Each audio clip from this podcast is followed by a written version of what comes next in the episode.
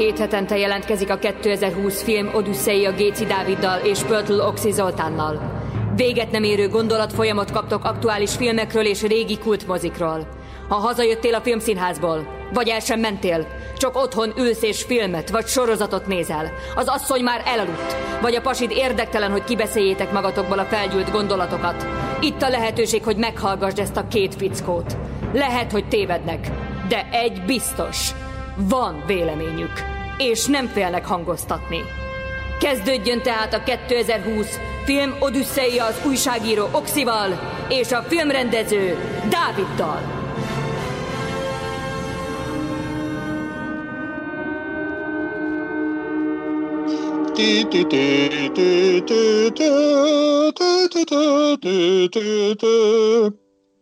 Aki nem ismerte volna fel, ez Brahms ötödik magyar táncokja volt, helyett az amerikai himnusz. Itt egy nagyon különleges dolog került most a 2020 filmodusza fedélzetére, Nomadland című filmet trágyaljuk ki, állandó műsorvezető barátommal, kollégámmal, Géci Dávid filmrendezővel, aki a mikrofon túlsó oldalában, Eminem pedig Pöltő Oxi Zoltán újságíró. A műsor érdekesség, hogy még továbbra is, és ez természetesen járvány, hozomány, vagyis hozadék, hozomány, osztalék, folyadék, hogy egymástól cirka 50-60 km távolságra vagyunk, éppen ezért a Skype adta lehetőségek megfosztanak minket az egymás szavába vágás rémizgalmas effektusától. Dávid ajánlotta ezt a filmet, hiszen azt mondta, hogy vegyük sorra azokat az Oscar produktumokat, Oscar díjas, Oscar díjra jelölt, vagy Oscar díjat kapott filmeket, amelyek valószínűleg nagyon-nagyon nagy érdeklődésre tarthatnak számot. Ilyen a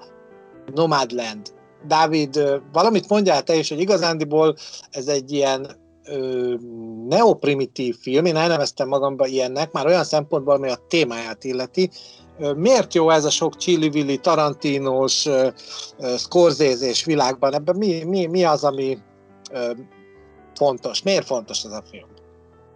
De most komolyan. Hát egyrészt ugye nagyon ráirányult tavaly a figyelem, nem csak Francis McDormandre, hanem, hanem egész pontosan a, a koreai, illetve ázsiai rendezőkre, és, és hát ennek a filmnek ugye egy ázsiai rendezője van, ráadásul nő, és Francis McDormand a főszereplője. De emellett, ez ugye ez teljesen lényegtelen, hogyha emellett szar lenne a film, akkor nem beszélnénk róla, de az a helyzet, hogy ez egy nagyon érdekes és rendhagyó film, Ugye Chloe Zhao rendezte, aki egy 82-es születésű hölgy, bár nőnek nem szabad az életkorát firtatni, de egy évvel fiatalabb nálam, és már Oscar díja van, és hát megérdemelten, de erről majd később beszélünk. A lényeg az, hogy most a Covid idején Amerika nyilván egy másik arcát mutatja, és ehhez nagyon jól passzol egy olyan film, ami nem akar fenzi lenni, nem akar csillogó lenni, ahogy te fogalmaztál, hanem, hanem igazán vissza akar menni abba, abba nagyon furcsa életformába, ami nekem az amerikaiaknál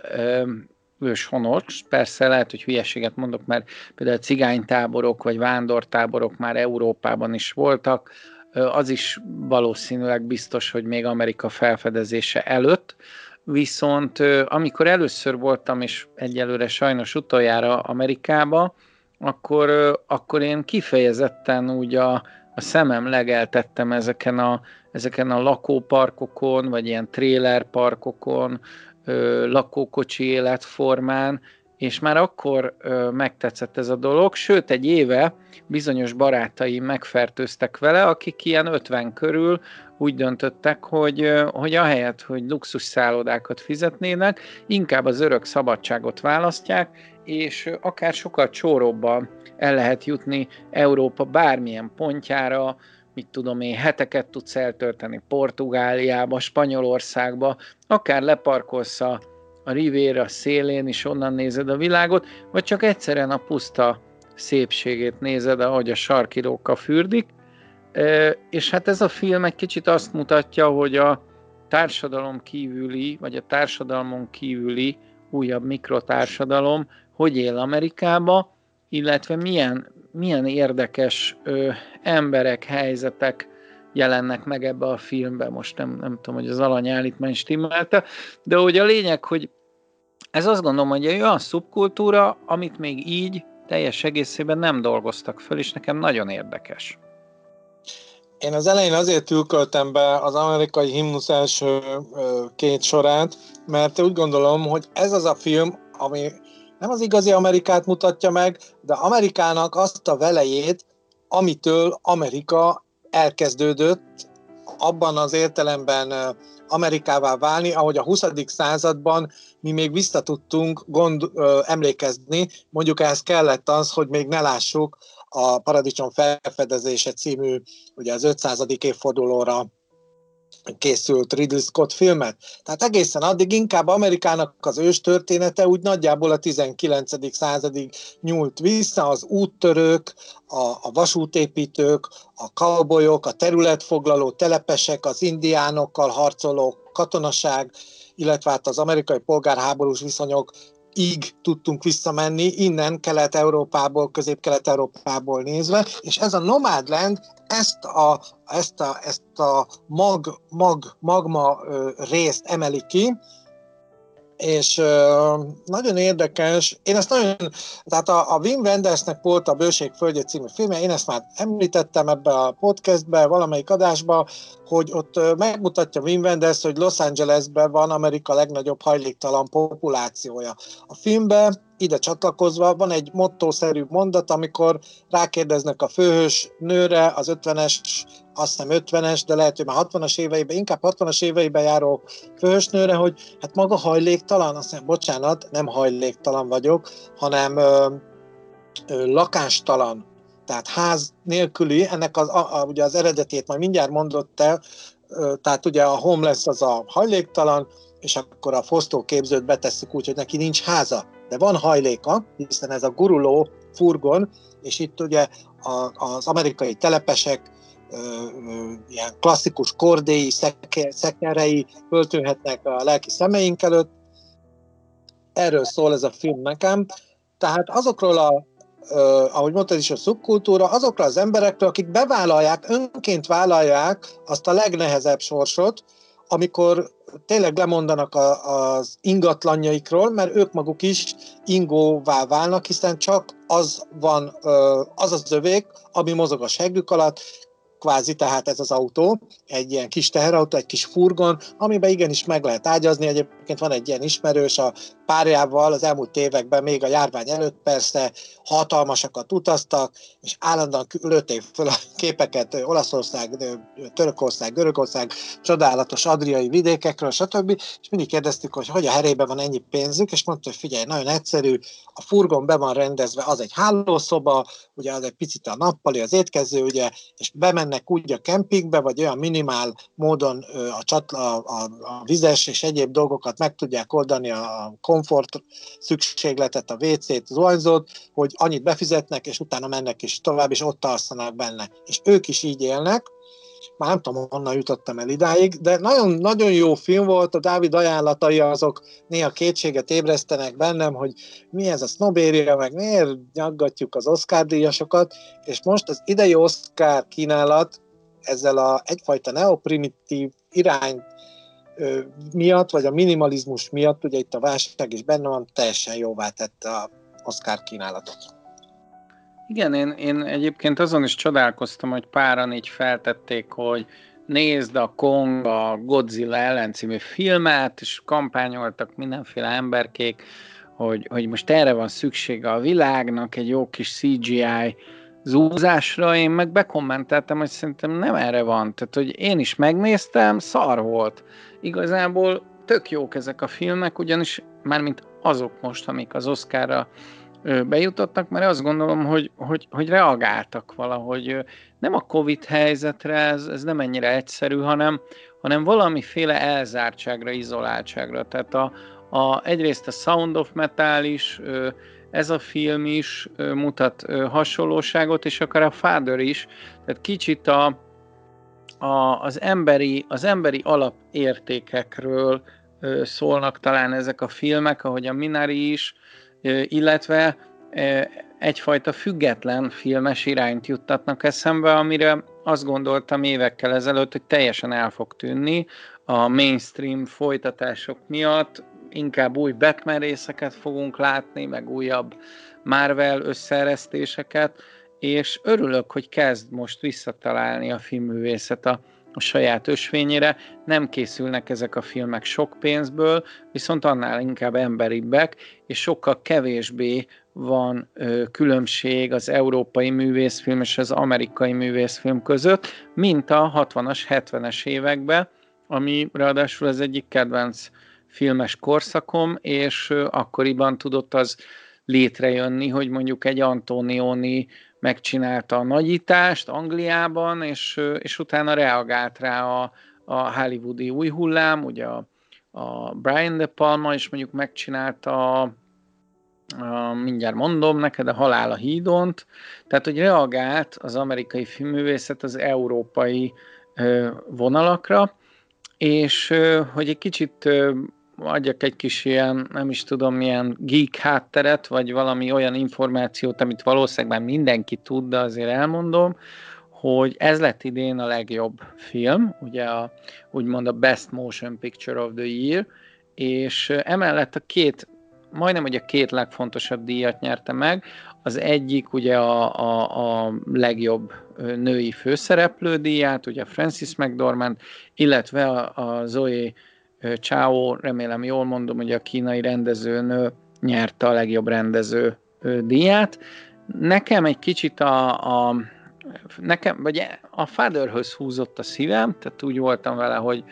hogy azt a filmet talán még ennél is jobban kedveltem, de, de nagyon nehéz lehetett a döntés, úgyhogy a Father az meg is kapta a legjobb adaptált forgatókönyvdíjat, tehát a másik legfontosabb díjat, illetve ott is a, a legjobb ö, ugye a legjobb színészdíját kapta az Anthony Hopkins, tehát ö, azért a bizottság is érezte, hogy ez a két film fejfej mellett halad. Nem az történt, ami nagyon sokszor igazságtalanul, hogy kiválasztanak egy filmet, és akkor megszórják 11 Oscarral,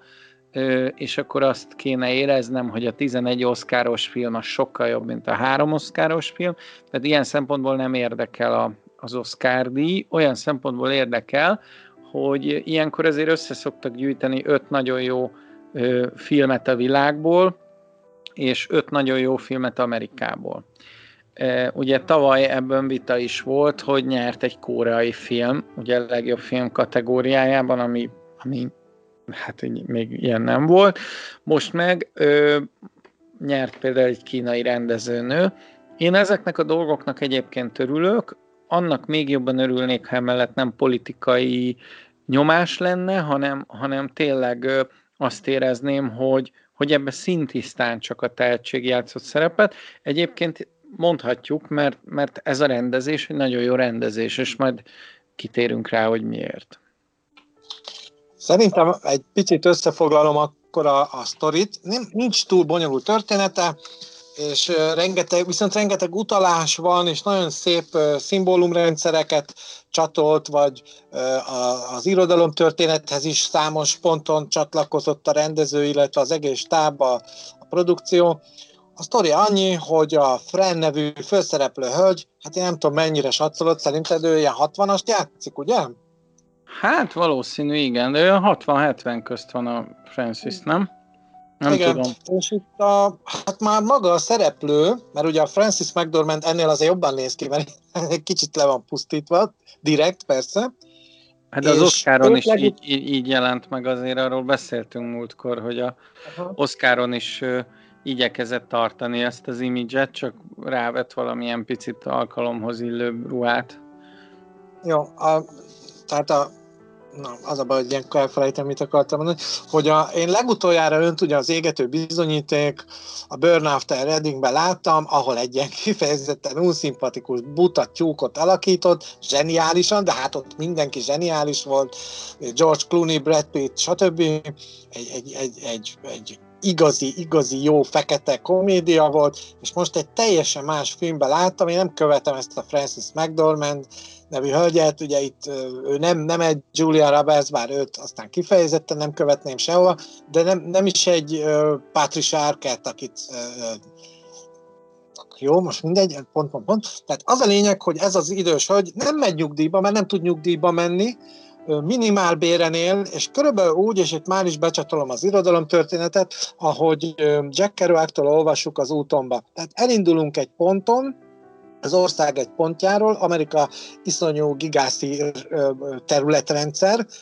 földrajzi rendszerek kapcsolódása, ugye, és ahol elfogy a pénzünk, ott elkezdünk dolgozni,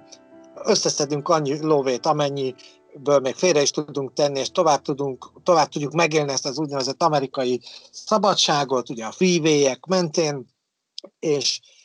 ennyi az egész. Csak az a bökkenő, hogy ő már 60-on túl van. Itt már jön az a pont, amikor el kell számolni az élettel, amikor meg kéne nyugodni, amikor egyenleget húz az ember, ugye József Attilai leltárok készülnek, íme kényszer leltár, illetve a betegségek is, a, illetve, és az ismerősök betegségei, és sajnos ugye esetleges halálesetek, drámák, az egész életnek a, a tragédiái, és persze az öröme is összegződnek az emberben, ezt már nem nagyon lehet akár egy furgonnal is csak úgy cipelgetni, mint amikor fiatalok vagyunk, Ellen Ginsbergnek hívnak, Jack Kerouacnak hívnak minket, és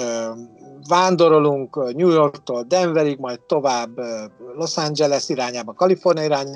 majd ezt az egészet a Sziklás hegység felé kurtítjuk, vagy alakítjuk, és visszatérünk New Yorkba, hogy újra beálljunk mondjuk egy parkolóba portásnak, hogy tovább tudjunk füvezni, és e, szexuálni a, a, az író haverjainkkal, és a nőtársaság finomabb tagjaival. Tehát ez már nem erről szól, egy nagyon költői út, és ha jól értettem a filmet, ő kap egy meghívást arra, hogy egy olyan táborba érkezzen meg, ahol aztán végképp a társadalmon kívüliek találkoznak. Ezek az útmenti, úti vándorok, akik nyakukba kapták a, az amerikai szabadságot, a sebesség, hát mondjuk a sebességi nem számít, és ott egy ilyen egyfajta szektaként, egy jó értelembe vett szektaként, egy szellemi, spirituális közösségként is, és egy fizikai egymás segítő, ilyen szolidáris, hát egy ilyen kommunális, mond majd, hogy nem kommunista közösségként élik meg a, a, a mindennapokat, amiben benne van a tábortűzi feeling, benne van a, a, az, hogy nem pénzért szereznek meg új dolgokat, tehát ételt, egyéb háztartásra szükséges eszközöket, háztartás alatt értsd az a kocsi, amiben a ház élményt megélik, hanem cserélgetnek, ugye e, itt, itt jön be a kommuna, a kommunista, az, de már ez a, ez a, a, a Tamás Gáspár Miklós féle, a Marci, ez a, ez a nyugati posztnaív újraelosztás, vagy a, javaknak az egyenlő elosztása, tehát egy ilyen teljesen ilyen antikapitalista, még ez is benne van szerintem valahol, és megpróbálnak egy ilyen idealizált mikrotársadalmat megérni. Végtelenül izgalmas, de mindig jön a dramatikus fordulat, mindig meg kell oldani valamit, akár kiukad az autó kereke, és a Fren az nagyon küzd,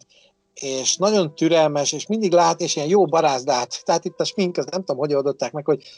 csajok, nem kell púder, mondta a rendező, hagy látszódjon, hogy a, a, Francis,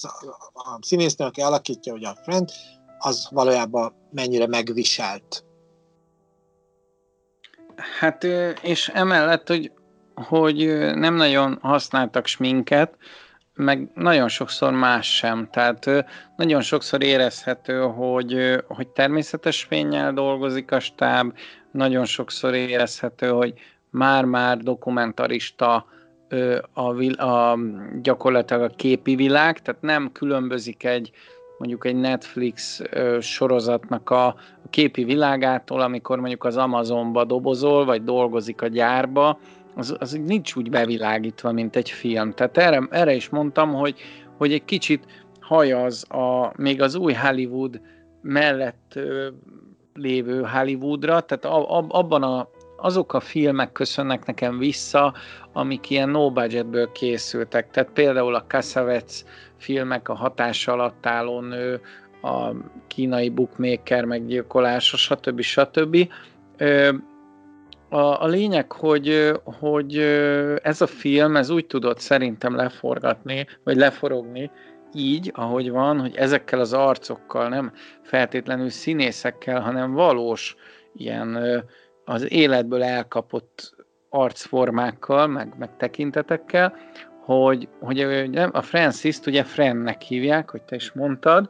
és ez egy nagyon jó rendezői döntés, amikor amatőröket kever az ember színészekkel, hiszen azok önként ö, elfelejtik, hogy, hogy ö, tehát magyarul elfelejtik, hogy forog a film, és nagyon sokszor így kiszólnak a filmből. És mivel a Francis McDormand ebbe beépült ebbe a közösségbe, és megkért mindenkit, hogy hívják Frennek, ugyanúgy, ahogy a filmbéli karakterét, nagyon sokszor úgy forog a kamera láthatóan, hogy nincs megrendezve. Valaki a saját életét meséli el, ami épp beleillik a filmbe.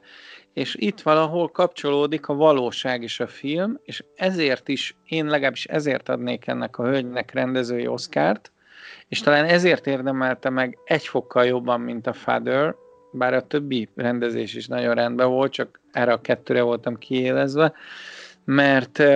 mert ez egy, ez egy nagyon, nagyon nehéz műfaj. Tehát amikor egyszerre csinál az ember úgy játékfilmet, hogy dokumentarista jegyeket is mutat, és zavarba ejtő az, hogy, hogy sokszor egy, egy amatőr mennyi mindent tud hozzáadni, amit mondjuk egy színész nem. Tehát, hogy, hogy én, a, én alapvetően színészpárti vagyok, de abszolút értem azt, amikor egy amatőr bejön a képbe, és egyszerűen az arcán, a hanglejtésén hordozza magával azt a világot. Tehát egy színészt nem tudsz így lepusztítani, még akkor is, ha Francis McDormand beleadott itt apai tanyait, és tényleg le van egy kicsit durranva, azért itt a, itt a legtöbb, a legtöbb szereplő az, az amatőr, egy-két kivétellel, és, és talán pont a család, vagy pont az, akikhez érzelmileg egy picit közelebb kerül, azok profi színészek, és így van jól. Te ezt ebből érzékeltél valamit? Hát én, én azt érzékeltem, hogy na, tehát én az elején valahogy félreértettem az egyik ilyen ajánlót, nézegettem a valamelyik szájton, hogy ez egy dokumentumfilm, nem tudom, így elolvastam egy, egy sorral arrébb, a dolgokat, és úgy, úgy álltam neki, hogy ó, basztus, mert gondoltam, most Amerika azért csak összeszedi magát, és ha a 2008-as válságról bár bizonyára készültek elemző filmek, az akkor keletkezett nyomorokból, és nagyon komoly krízis, családi és egyéb társadalmi rétegbeli krízisekről,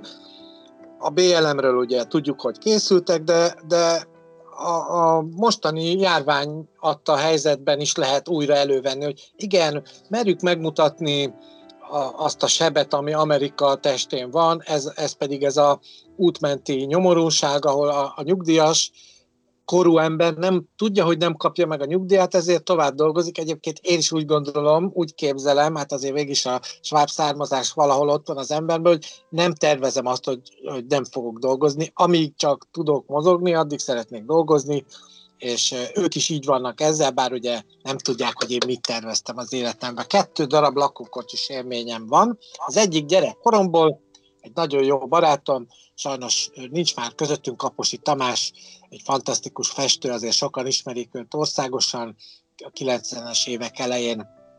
ö, ö, ment el, és gyerekkorunkban ö, együtt játszottunk sokat, harmadikos általános iskolás korunkig együtt tanultunk, stb. És egyszer csak olyan boldogan mentem haza, anyu képzeld, megvan, hogy mit fogok csinálni nagykoromban, Mit, fiam? Hát a Tamással fogunk venni egy, egy marha jó lakókocsit, és mi együtt fogunk élni, és tök jó lesz, és mindenhova elmegyünk, és képzeld, tök jó lesz. Anyám így néz, és akkor finoman jelezte, hogy az nem jó, ha két férfi együtt él, bár, és akkor ugye még nem lehetett így beszélni bizonyos alternatív szexualitásokról, meg a gyerekeknek nem is reklámozták ezt különösebben, és így nem értettem, hogy miért ne lehetne az, hogy két haver egy összeköltözik, és ők mivel úgyis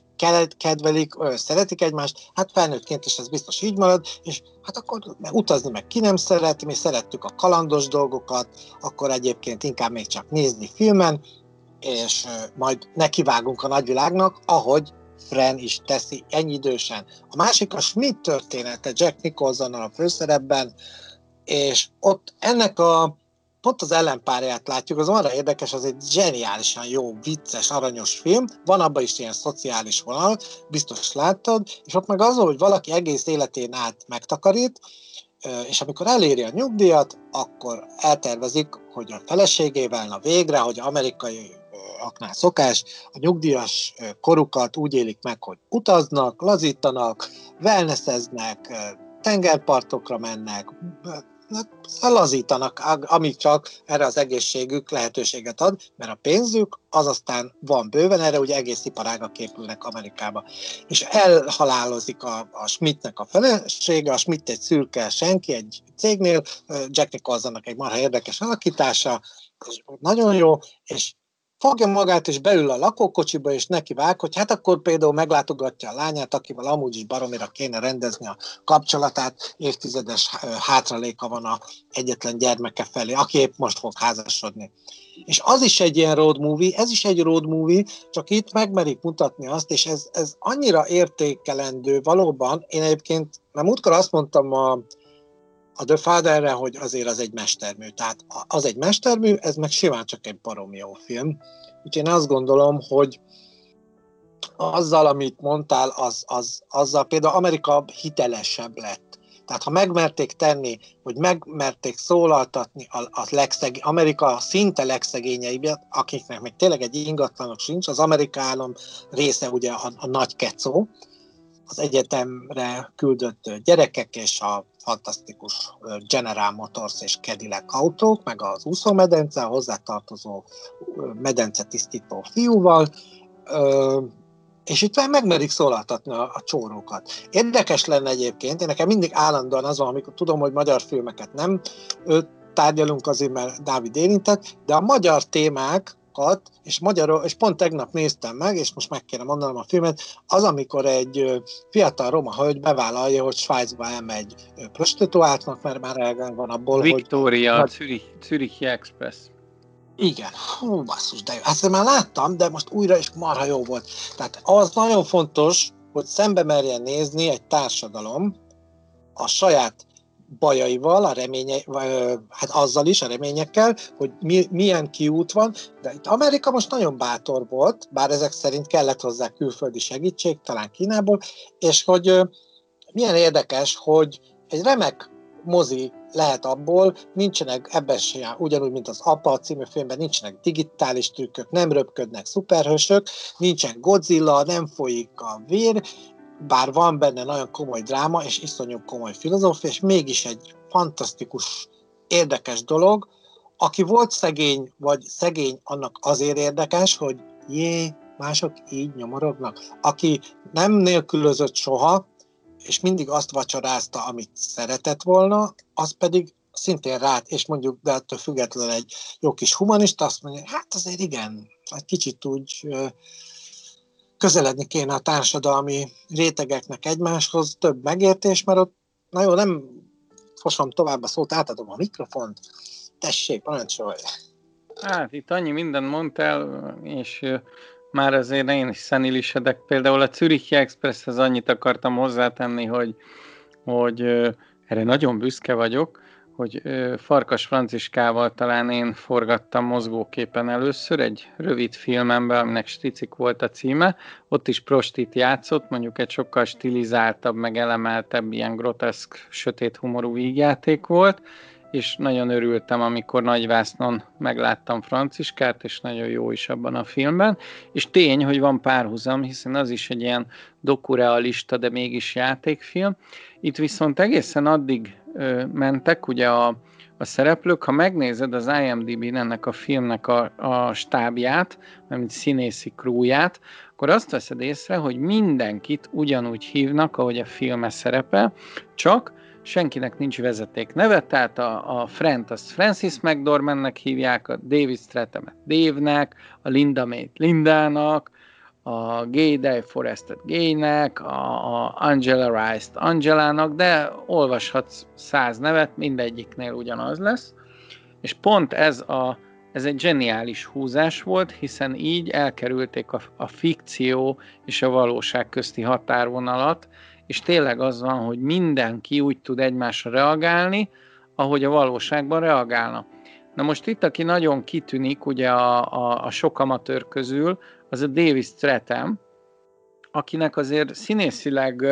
meg kellett gondolom azzal birkozni, hogy, hogy a, a Francis McDermott tényleg olyan a, a feje, a kisugárzása, a mozgása, a pillantásai, már a három óriás plakát Embing határában is olyan volt, hogy mint, mint egy civil, mint egy nagyon érdekes, hogy, hogy annak ellenére egy színésznő láthatóan egyáltalán nem érdekli, hogy hogy néz ki. Annyira mélyről dolgozik, hogy, és annyira mély ember, hogy, hogy igazából süt róla az őszintesség, és,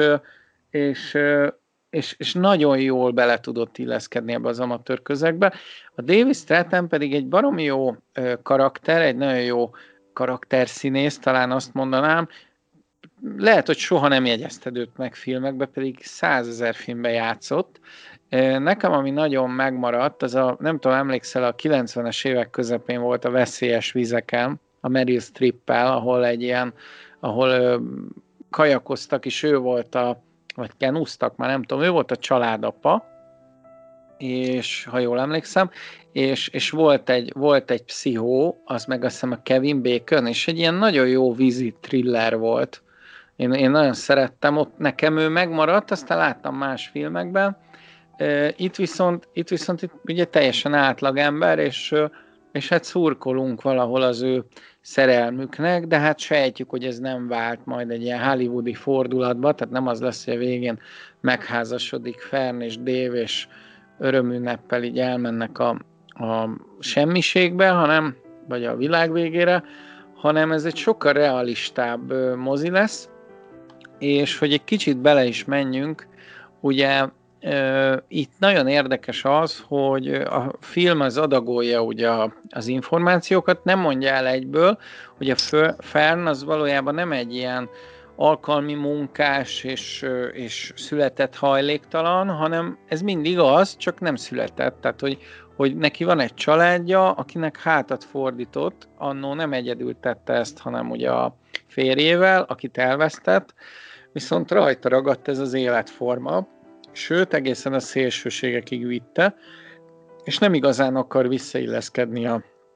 hagyományos amerikai társadalmi modellbe, de rákényszerül, hiszen elromlik ugye a, a, az ő kis mm, mozgó háza vagy otthona, ahogy mondtad, és az a kérdésem, Oxia, mindig te kérdezett tőlem, hogy szerinted ö, miért nem választja utána mégis az otthon kényelmét, hiszen láthatóan örülnek neki, láthatóan hiányzik a testvérének, láthatóan szeretet van, miért megy vissza mégis egyedül? A, a filmnek biztos ők nagyon utána ástak, illetve eleve ők ezt ismerik, ők sokkal jobban ismerik ezeket, a, a, és mindjárt mondom, micsoda ballasztokról van szó, vagy monolitokról, tehát olyanról, mint a, az Easy Rider, a szelidmotorosok, vagy a Zabriskie Point Antonioni filmje, hogy az amerikai hős, most már egyre több filmben, de a régi, most írtam egy recenziót, csináltak a Clint Eastwood életéről egy ilyen, megint egy ilyen nagy életrajzi könyvet, meg a filmét bemutatták, és szerintem még a Clint Eastwoodnál is volt belőle állandóan ugye a, az igazságot megszerző és azt fölcsúcsosító revolverhőst alakítja, de mégis van olyan, hogy sokkal többet ér el, például a Rettenthetetlen című filmben, azzal a rendező, hogyha veszít a hős, és akkor, akkor csordul meg úgy a szív, hogy megértjük azt az igazságot, amiért harcolt, ellentétben mondjuk Dirty Harryvel, aki a, a, a magnumjával úgy is kiharcolja, hogy az úgy, csak azért is úgy van, már pedig úgy van, és, és persze igaza van. Bocsánat, itt, van, itt, itt csak annyit, annyit akarok mondani, Ox, és bocsánat, hogy félbeszakítalak, csak hát ez ilyen ez a Skype, hogy annó, amikor gimnáziumban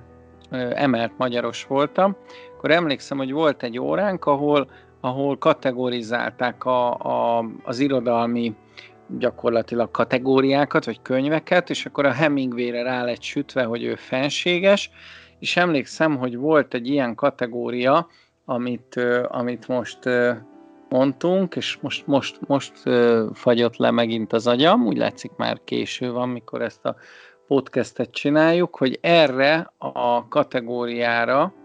mondtuk azt, hogy mit is mondtál az előbb, mondtál erre egy, egy nagyon érdekes szót, és, és teljesen, teljesen illik rá az irodalmi meghatározás. Megismétled azt a szót? Mondtál erre egy Én nem egy, tudom, hogy egy kategóriát. Hát, ha visszakapom a lehetőséget, folytatom, azt hát, ha beugrik. Jó, majd nekem is beugrik, hogy mit akartam mondani, ez nagyon vicces. Jó. Én tehát továbbra is azokra az alapokra helyezném ennek a filmnek a, a történetét, amelyek már 10-20-30 évvel ezelőtt megjelentek. Egyébként a, a, van egy példafilmem az Agnes Vardának a Sem fedél, sem törvény, ahol hogy e, pontosan ugyanez a cél, ki menni a társadalmon kívülre, és ott elintézni, elrendezni, megalkotni az élet új szabályait, amelyek jók, igazságosak, tulajdonképpen az alapvető demokratikus jogokról is szólnak, tehát ez a testvériség, egyenlőség, igazságosság, lehet, hogy nem jól mondtam, de hogy legyen benne jó ne legyen, nem, azt hiszem, a Eszterházi Péternek van egy olyan mondása, de ezt sem fogom jól idézni, így aztán nem is illene, de egy hasonló akkor ehhez az övé is, hogy nem lehetne az, hogy inkább minden jó legyen. És ezek az emberek ezzel a naivitással, ezzel a, ezzel a talán jogos, talán kevésbé jogos emberi föl hördüléssel vágnak neki, és ezt megtaláljuk a szelid motorosokban, ahol semmit nem akar az a két fickó, igaz, hogy egy bűncselekmény ellen, de szerezni egy kis ruskát, húzni a gázt, csajozni, amikor éppen adódik rá lehetőség, elszívni, elpippantani néhány füvet, néhány tök aranyos hippi gyerekkel, falatozni a prérin egy tábortűz mellett, akár egy jó kis marhasültet, de lehet az valamiféle indián recept alapján készített lepény, kövönsült lepény, belemenni egy San Franciscoi buliba, ott kicsit ropni a táncot, vagy valamilyen más helyen, és így. Ugyanez a Agnes Vardánál a főhős, fiatal hölgy, teljesen kiszáll a társadalomból, ahogy Fren is megtagadja a társadalmi normákat, de nem azért, mert anarista, és el akarja pusztítani. Iszonyú szimpatikus volt ez, Ugye én a 80-as évekből a punkból indultam, természetesen ez azért ott volt háttérnek a blues, a Ginsberg, az 50-es évek féle beat irodalom, hát nagyon sokan táplálkoztunk ezen, és ez mindig arról szólt, hogy megdönteni a rendszert, egy bizonyos nagy Feró, ha kiadná a parancsot, vagy egy Pataki Attila, ugye hát 14 éves vagyok ekkor, ha kiadja a parancsot, hogy a parlamentet megrohamozni, és megdönteni a kommunisták rendszerét, akkor azonnal indulunk, nem tudom mivel a kezünkbe, tehát hogy 14 évesen az ember így gondolkozott talán, és nem ezt követik, nem a, az anarchiát, nem a destroy feelinget nyomja ez a film, nem a, nem a, a BLM-nek, az, az antifának az agresszivitását, a pusztít, pusztítás vágyát fejezi ki, ezek már életükben lecsendesült emberek, tök szimpatikus, hogy tudják, hogy így nem lehet élni. Ez el fog bukni.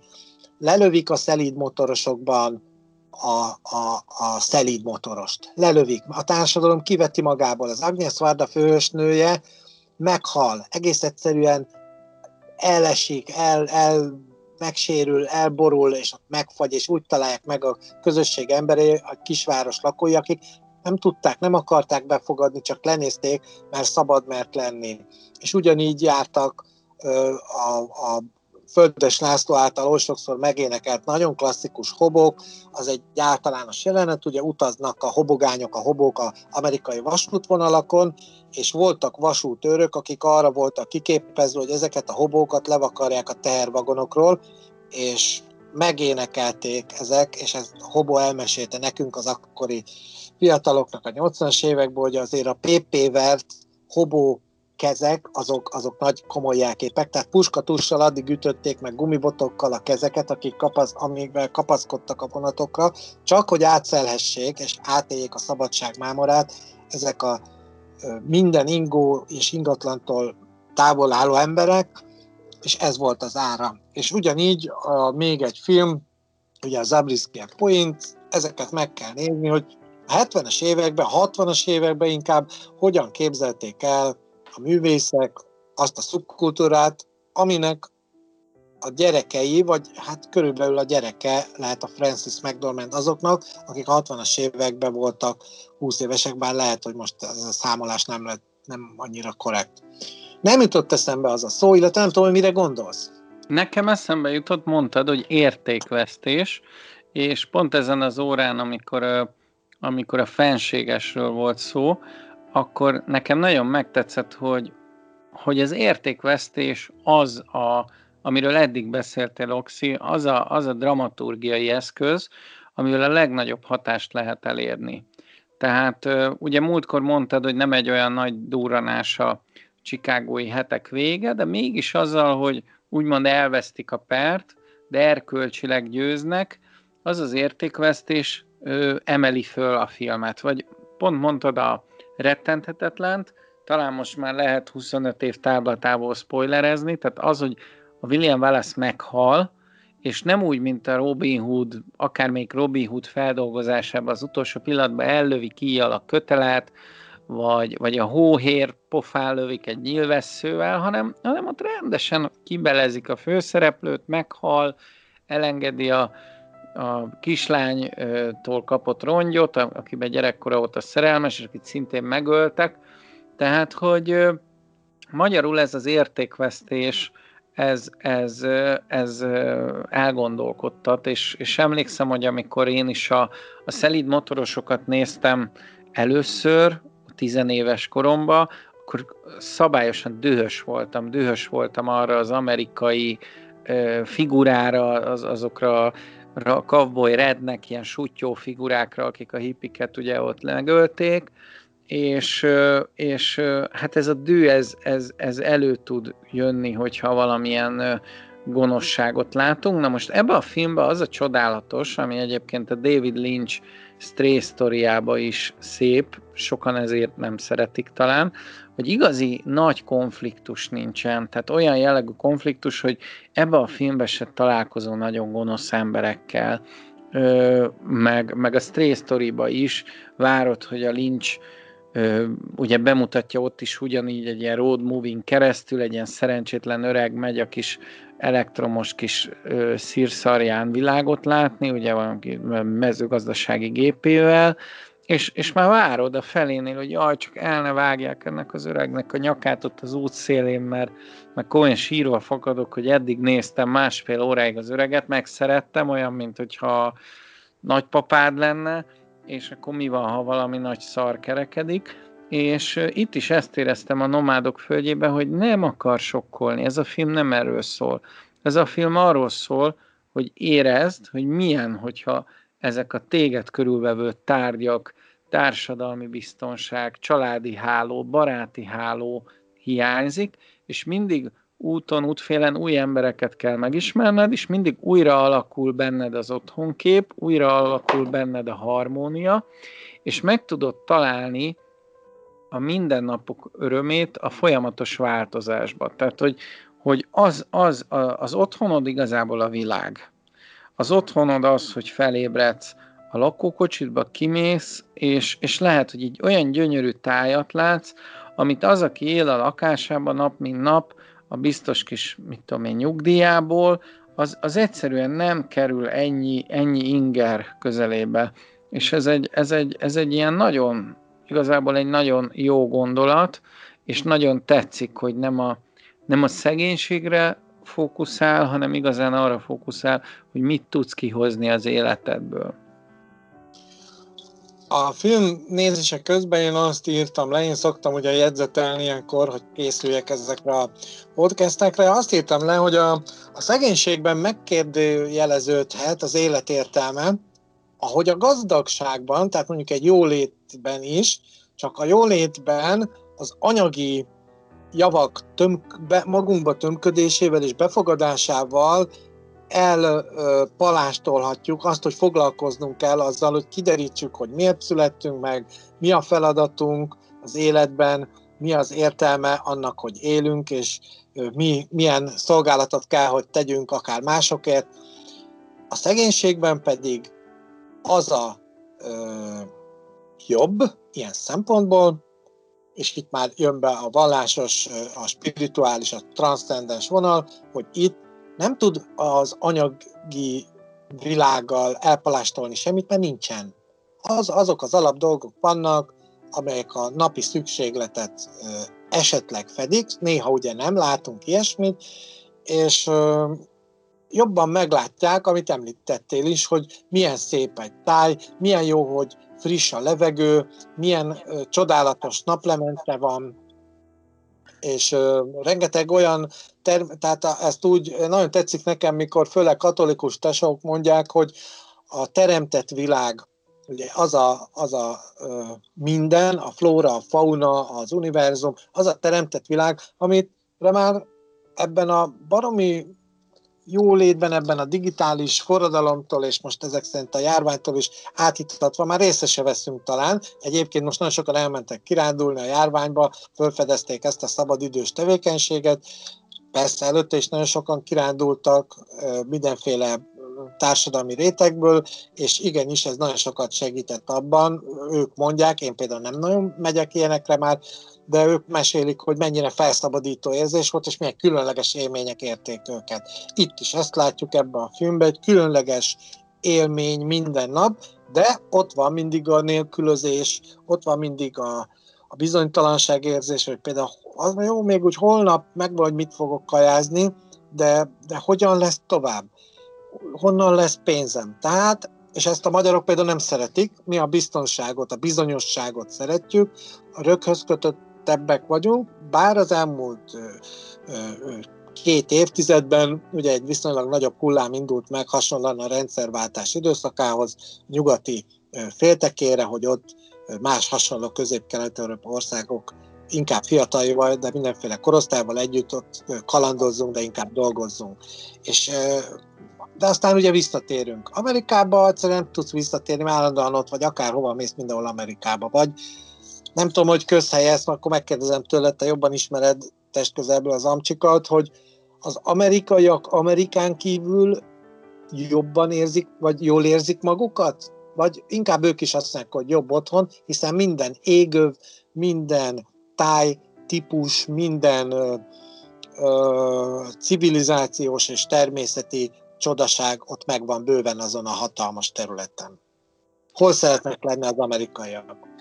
Én az a helyzet, hogy nem, nem voltam túl sok államba, tehát Kalifornia államba voltam, Nevadába és Arizonába, de nem sok időt, tehát összesen töltöttem el ezekbe egy hónapot, és hát sajnos meghiúsult tavaly előtt egy, egy nagyobb másik parti út, ahol ugye hát egy kicsit úgy beleláttam volna a New Yorki életbe is, de ez még mindig nem az, amit Amerika él igazából. Az Arizonában látottak, jobban hasonlítottak szerintem Amerika igazi arcára. Tehát azok az emberek, én azt gondolom, hogy a nagy részüknek nagyon távoli Európa. Tehát, hogy, hogy nagyon persze a fantáziájukban az van, hogy egyszer majd elmegyünk oda, de teljesen más, mint egy, mint egy New Yorki polgár, vagy egy, vagy egy kaliforniai, aki megteheti, hogy utazzon, hogy, hogy, hogy, hogy élvezetes legyen neki kell menni, általában azért az ilyen trendi helyszínekre, mint London, Párizs, stb. De, de még talán az is jellemző, hogy ugye Amerika az, az nagyon sok, mondhatni nem első generációs emberrel van tele, tehát például az én unokatestvéreim, mondjuk ők pont nem Amerikában, hanem Kanadában élnek, de mondjuk British Kolumbiába, és, és ők, ők, ők abszolút nyomozzák a magyar gyökereiket, és akkor eljönnek Magyarországra, ha már itt vannak, megnézik Csehországot, megnézik Szlovákiát, megnézik Ausztriát, tehát hogy, hogy azt gondolom, hogy az amerikaiakban attól függ, de van egy, van egy érdeklődés Európa iránt, már csak a gyökerük miatt is, de mégis ez egyfajta ilyen exotikum marad, Míg Európából Amerikába menni, azért az emberek 80%-a, legalábbis az értelmiség 80%-a szerintem túl sznob ahhoz, hogy beismerje, hogy ez egy érdekes világ. Általában az ilyen esti kocsmázások alkalmával én vagyok a hülye amerikamániás rendező, aki, aki minek akar egy olyan országba menni, aminek nincs történelme, típusú beszélgetés veszi kezdetét. Én pedig elmondom, hogy attól, mert nincs mondjuk ezer éves kultúra egy ilyen ország mögött, nagyon érdekes a, a, a különböző államoknak a, az összetétele, akár, a, akár a, az, hogy ennyiféle ember tud egy helyen élni, tehát hogy, hogy nekem már gyerekkoromban is nagyon érdekes volt, hogy ahhoz képest, hogy lemegyek az ABC-be, és látom ugyanazokat a fehér nagyi arcokat, általában ö, idősebb hölgyek szoktak ugye ott kiszolgálni, most ez, ez, ez, ez változott, de, de, hogy, de hogy néztem mondjuk gyerekkoromban egy amerikai filmet, és volt benne mexikói, fekete, ázsiai, stb. Ez, ez akkoriban a multikulti nekem nagyon-nagyon tetszett. Most érzem egy kicsit ennek a, a rákfenéjét is, hogy elmész mondjuk Londonba, és igazán már ilyen, ilyen tipik angol arcokkal nem találkozol, mert tuti, hogy a, hogy a, a, ahol básárolsz, ott a kasszás pakisztáni lesz, a, buszsofőr, valami afrikai csávó, aki szegény próbál valahogy megélni, és akkor egy-két ilyen, ilyen londoni gazdag, kőgazdag ürge ül valahol a századik emeleten, és ilyen kicsit ilyen rabszolgatartóként működik. Na mindegy, szóval kicsit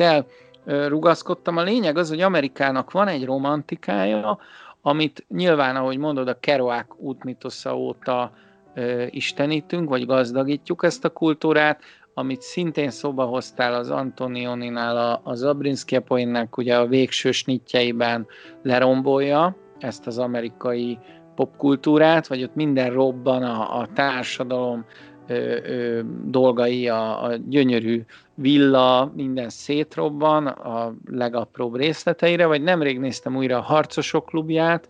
ami ugye szintén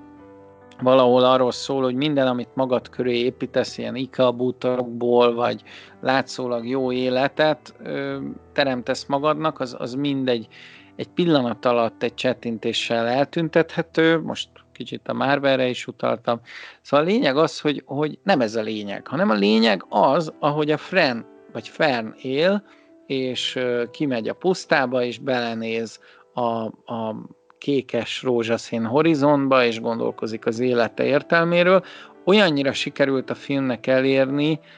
ezt az érzést, hogy tényleg ott voltam, és, és hál' Istennek én is ilyen kalandos dolgokba veszek részt, csak hát nem minden napom ilyen kalandos, hanem pár évente vagyok olyan mázdista, hogy például a hegymászók elvittek magukkal Pakisztánba, és így kiragadt, kiragadtak engem a 21. századból is, és tényleg a kövek között mászkálva, a helyi emberekkel beszélgetve, igazából egy kicsit a saját individumot feloldódik, és rájössz, hogy egy igazából egy kis hangya vagy e- ebben ezen az úton, de jó hangyának lenni, mert, mert a természet olyan fenséges, olyan, olyan, ö, olyan annyi örömöt tud adni egy nap, és annyi örömet tud adni egy másik emberrel egy beszélgetés, akár legyen idegen is, aki a saját sorsát megosztja veled. Gyönyörű pillanatokat élünk át ebbe a filmbe a tábortűznél, és mindenhol máshol, és még nem válaszoltál Oxi a kérdésemre, hogy amikor visszazökkenünk ebbe az otthoni közegbe, akkor azt várnád, hogy kicsit karikíroz a film, és ott azt látod, hogy ez nem megy, mert ott meg mindenki mondjuk képmutató. És emiatt utána a fenn hátat fordít, és visszamegy a pusztába, vagy ott van mondjuk a Davidnek a családja, és akkor ott se találja magát otthon, és mondjuk tovább megy. Miért, miért történt az, hogy, hogy a testvére után visszamegy a kocsihoz, megjavítatja és, és folytatja az útját? Mi, mi vonza ebben a világban? Hát akkor megismétlem, amit mondtam erre válaszul, azt, amit akkor hoztam példának ugye a szelít motorosokat, illetve akár a kerouakékat, hogy mert ezt kell tenni, mert a, őket ez érdekli. És a, a, hát a Kerouac útonjában is, de a szelít motorosokban is, vagy ezekben a road movie-ban, amik sok ilyen van azért, mindig ott van a veszély, hogy itt el lehet pusztulni, itt, itt a sérüléseket lehet szerezni. Ez egy törékeny hölgy azért, nem csak azért, mert idős, hanem általában ő is látni, hogy nem egy ilyen agresszív hölgyemény. Tehát itt, itt még az is lehet, hogy nőiségében is bántják, meg erőszakolják. És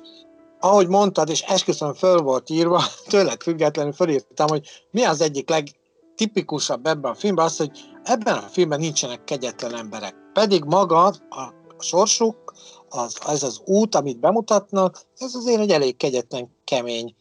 dolog. Itt tényleg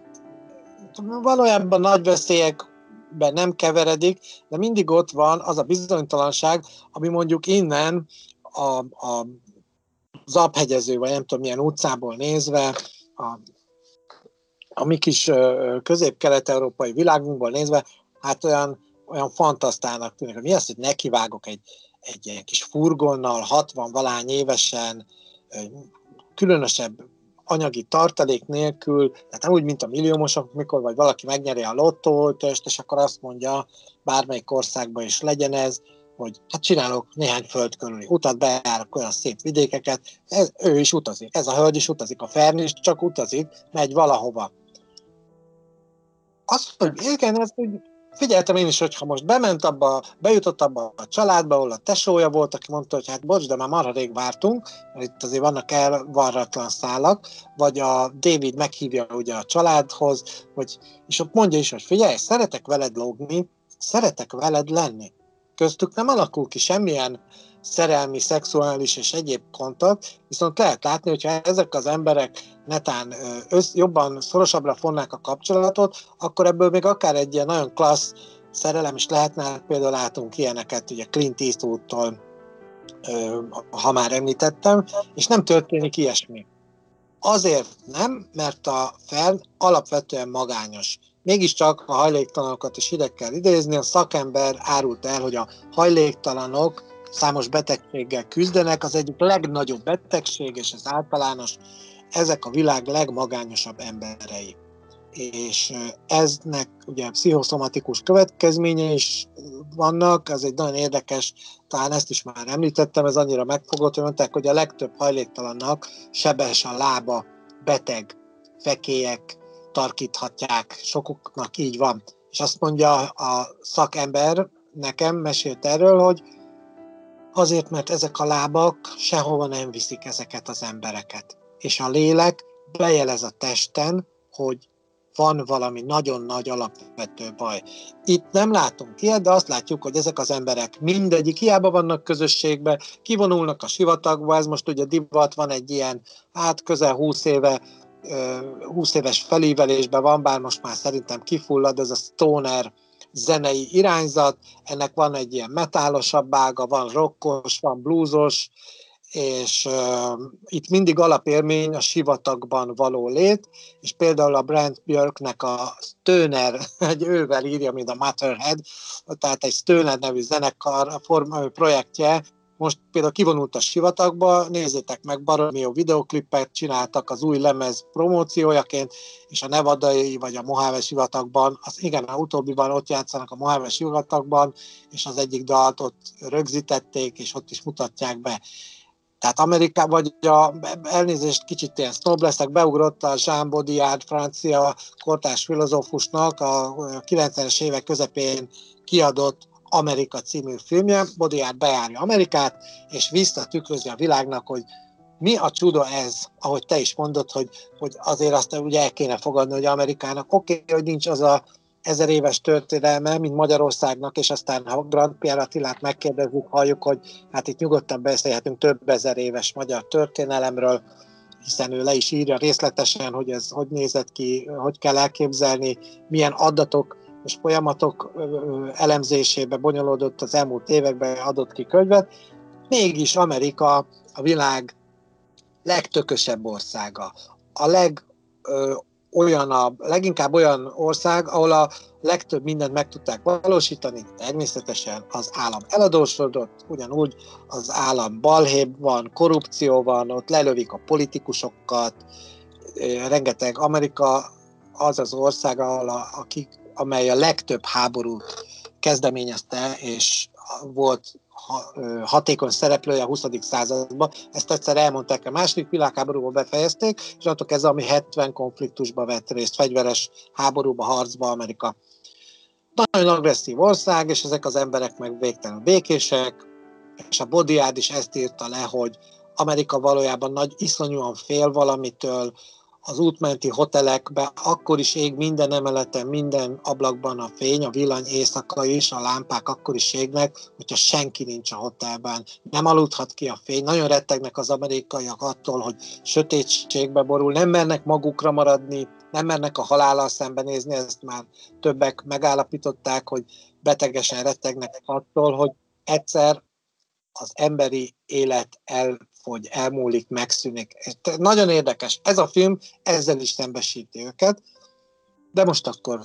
átadom a mikrofont, mert megint túltolta. Már megint. Nem, igazából engem is egy, egy elgondolkodtatott, hogy végre elolvassak egy könyvet, amit még apám ajánlott nekem. Ez az amerikai útinapló, a Simone de Beauvoir, nem tudom, hogy hallottál róla, az 50-es években írt önéletrajzi könyve, is elég jól körülírja Amerikát. Na most pont, pont, pont azt gondolom, hogy aki, aki Jacques Kerouacot olvas, és, és érdekli ez a, ez a valami, amit ugye Amerikának hívunk, ez a film, ez, ez, ez tökéletesen visszaadja Amerikát, annak ellenére, hogy a perifériáján játszódik. Azt gondolom, hogy kicsit sokat pofáztunk, lehet, hogy a, hogy magáról a, a filmről kevesebbet, ez mindig változik. Most, most szerintem egy kicsit inkább, inkább körüljártuk ezt az érzést, mint elkezdtük volna elemezni a jeleneteit. Lehetne simán a, a kocsmában ülő Francisről is beszélni, ahogy a, ahogy a főhős fiával találkozik, vagy, vagy azokról a pillanatokról, amiket itt ezekben a családokban él meg, és hogy hogy viszonyul azokhoz az emberekhez, akikkel találkozik, de szerintem csapjunk bele az értékelésbe, mert lehet, hogy a hallgatóinknak még más dolgok is van, mint ezt a két faszit hallgatni. Én azért adok nyolcast, mert azért mégiscsak azt vallom, amit az előző adásban mondtunk, vagy mondtam, hogy azért a The Father az a mestermű, ez egy simán nagyon jó film, én két részre szoktam osztani a filmeket, ha feltétlenül két részre lehet, de persze nem lehet. Az egyik az elmesél történetet, a másik meg állapotot ábrázol. Ez az utóbbiba tartozik, és itt zseniális az állapotábrázolás, a történet kevésbé lényeges, nem az a fontos, hogy mi történik, hanem az, hogy ez milyen folyamatnak a, a, az egészét mutatja meg, világít rá, és ez nagyon szép, ahogy ez, ez a stáb, a Francis McDormand, és ez az egész kollektíva megmeri mutatni azt, hogy Amerikában baromira nincsenek rendben a dolgok, és tényleg a végére azért mondjuk el, hogy van egy ö, ö, utalás, egy nagyon szép ö, valási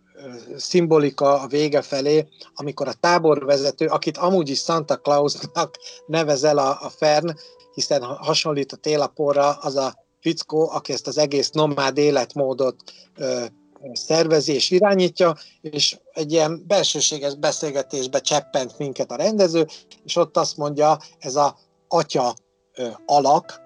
mondhatnók atya Isten alak, hogy nekem azért van egy bánatom, volt egy fiam, nagyon szerettem, és 33 évesen öngyilkos lett. Ugye hát ez egy picit azért meg esélyt ad a materialistáknak, illetve az ateistáknak, hogy mert ők azzal szokták vádolni a evangéliumi történetet, hogy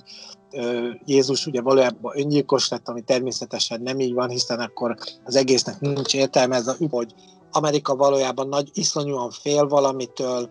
az útmenti hotelekbe, akkor is ég minden emeleten, minden ablakban a fény, a villany éjszaka is, a lámpák akkor is égnek, hogyha senki nincs a hotelben. Nem aludhat ki a fény. Nagyon rettegnek az amerikaiak attól, hogy sötétségbe borul, nem mernek magukra maradni, nem mernek a halállal szembenézni, ezt már többek megállapították, hogy betegesen rettegnek attól, hogy egyszer az emberi élet el hogy elmúlik, megszűnik. Nagyon érdekes. Ez a film ezzel is szembesíti őket, de most akkor átadom a mikrofont, mert megint túltolta. már meg. Nem, igazából engem is egy, egy elgondolkodtatott, hogy végre elolvassak egy könyvet, amit még apám ajánlott nekem, ez az amerikai útinapló, a Simone de Beauvoir, nem tudom, hogy hallottál róla, az 50-es években írt önéletrajzi könyve, és elég jól körülírja Amerikát. Na most pont, pont, pont azt gondolom, hogy aki, aki Jacques Kerouacot olvas, és, és érdekli ez a, ez a valami, amit ugye Amerikának hívunk, ez a film, ez, ez, ez tökéletesen visszaadja Amerikát, annak ellenére, hogy a perifériáján játszódik. Azt gondolom, hogy kicsit sokat pofáztunk, lehet, hogy, a, hogy magáról a, a filmről kevesebbet, ez mindig változik. Most, most szerintem egy kicsit inkább,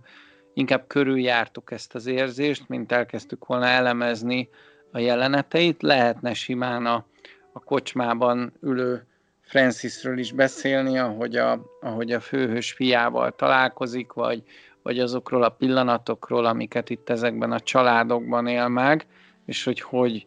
viszonyul azokhoz az emberekhez, akikkel találkozik. De szerintem csapjunk bele az értékelésbe, mert lehet, hogy a hallgatóinknak még más dolgok is van, mint ezt a két faszit hallgatni. Én azért adok nyolcast, mert azért mégiscsak azt vallom, amit az előző adásban mondtunk, vagy mondtam, hogy azért a The Father az a mestermű, ez egy simán nagyon jó film. Én két részre szoktam osztani a filmeket, ha feltétlenül két részre lehet, de persze nem lehet. Az egyik az elmesél egy történetet, a másik meg állapotot ábrázol. Ez az utóbbiba tartozik, és itt zseniális az állapotábrázolás, a történet kevésbé lényeges, nem az a fontos, hogy mi történik, hanem az, hogy ez milyen folyamatnak a, a, az egészét mutatja meg, világít rá, és ez nagyon szép, ahogy ez, ez a stáb, a Francis McDormand, és ez az egész kollektíva megmeri mutatni azt, hogy Amerikában baromira nincsenek rendben a dolgok, és tényleg a végére azért mondjuk el, hogy van egy ö, ö, utalás, egy nagyon szép ö, valási szimbolika a vége felé, amikor a táborvezető, akit amúgy is Santa Clausnak nevezel a, a Fern, hiszen hasonlít a télaporra, az a fickó, aki ezt az egész nomád életmódot ö, szervezi és irányítja, és egy ilyen belsőséges beszélgetésbe cseppent minket a rendező, és ott azt mondja, ez a atya ö, alak, mondhatnók atya Isten alak, hogy nekem azért van egy bánatom, volt egy fiam, nagyon szerettem, és 33 évesen öngyilkos lett. Ugye hát ez egy picit azért meg esélyt ad a materialistáknak, illetve az ateistáknak, hogy mert ők azzal szokták vádolni a evangéliumi történetet, hogy Jézus ugye valójában öngyilkos lett, ami természetesen nem így van, hiszen akkor az egésznek nincs értelme, ez a üt történet része. Nyolcast adok, hiszen nagyon szép elemek vannak benne, filozófia, társadalomtudomány, szociológia, és hát nagy lehetőség két ilyen vántor tudósnak, mint mi ilyen önjelölt alanyi vándor tudósoknak, filmtudósoknak lenni. Két dolgot akartam még, amit mondasz, ez a, pont ez a Santa Claus jelenet az egyik kulcsa volt a, a filmnek, és rendezésileg engem nagyon felcsigázott, ugyanis itt éreztem azt, hogy valószínűleg a saját életét mondja el a szereplő. Tehát nem tudom, hogy tudok utána nézni, bevallom ennek, nem néztem utána, hogy valóban meghalt a fia, de, de én csodálkoznék, hogyha ez színészi alakítás lenne. Tehát komolyan mondom, hogy annyira jól használja a film az amatőröket, hogy, hogy simán beleillik, hogy ez egy egyébként egy valós figura, tehát tényleg ő így él, és, és elmondta az élettörténetét, és beleillett a filmbe, és a rendező felhasználta. Szerintem, nem tudom, hogy így van-e, én ezt érzem, én is nyolcast adok, nem tudom, mi kéne a kilenceshez, talán az, hogy legyen benne egy kis konfliktus, amiről mindig beszélünk, talán az, hogy még jobban izguljak a, a frenér, de nem kell minden filmnek ugyanazt a szabályt követnie, hiszen akkor nem lennének jók a filmek. Tehát ez a film így jó, ahogy van. Van, akinek ez a film tízes, nekünk ez a film nyolcas, ezzel nincs semmi baj. Ez egy, ez egy nagyon erős film, ha én lettem volna Oscar zsűri dönnök el, biztos nehéz döntés, én nekem a szívem ugye a Fatherhez húza, hogy neked is. Minden esetre soha rosszabb Oscar szezont, és soha rosszabb filmeket, és akkor most jön egy szolgálati közlemény.